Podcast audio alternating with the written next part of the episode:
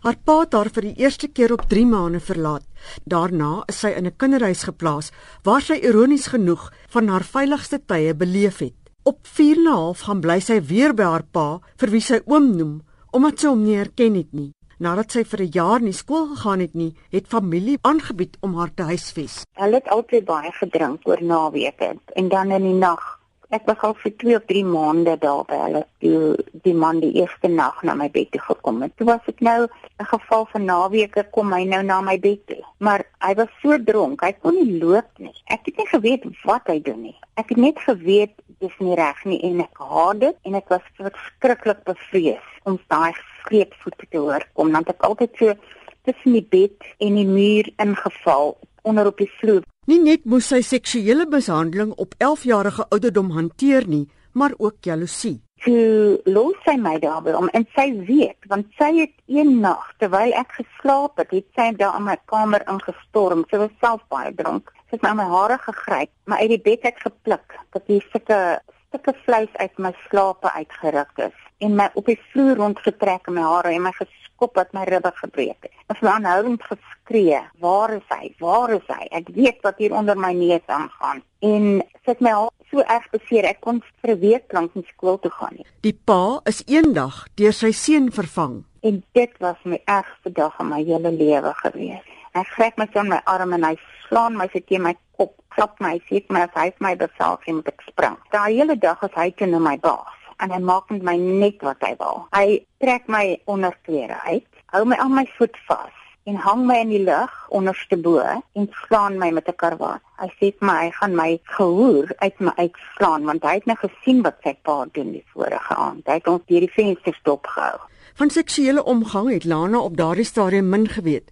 Sy sê sy het gedink dit is vallende siekte wanneer 'n man 'n orgasme bereik.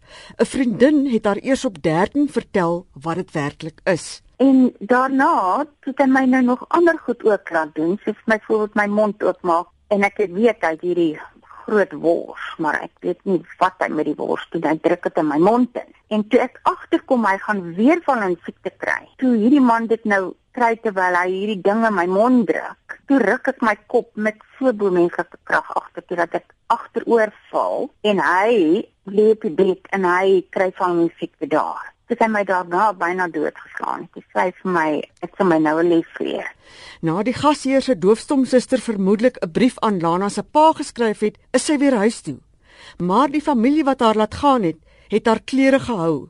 By die huis moes sy haar afsloof vir haar stiefma. Ek mag net een vuurtjie gebruik, maar ek stiefma tel die vuurtjies. As ek twee gebruik, is daar groot probleme want dan mors ek daarmee dan moet ek 'n fakkeltjie maak met 'n stuk papier en seker maak dat ek met 'n een sirupie die vuur aan die gang kry. En dan as die vuur aan die gang is, dan moet ek water kook, en pap maak, en koffie maak en 'n groot kanne vol water maak op die stoof sit. Dan kan ek weer skool toe hardloop. Dan die skool altyd al begin teen daai tyd. Ek kan nie onthou dat ek een keer betyds was vir skool. Ek is altyd laat. Partykeer is ek nou net later as ander dae. Een Sondag aand het haar stiefma haar uit die bed kom pluk om haar pa se oorpak te stryk terwyl sy aan haar stiefma verduidelik het dat die eisters nog op die stoof is, het haar pa ingekom. Toe het sy slaag gekry met sy mynbeld. So wat ek in my lewe nog nooit geslaan het. Hy het net nooit opgehou nie.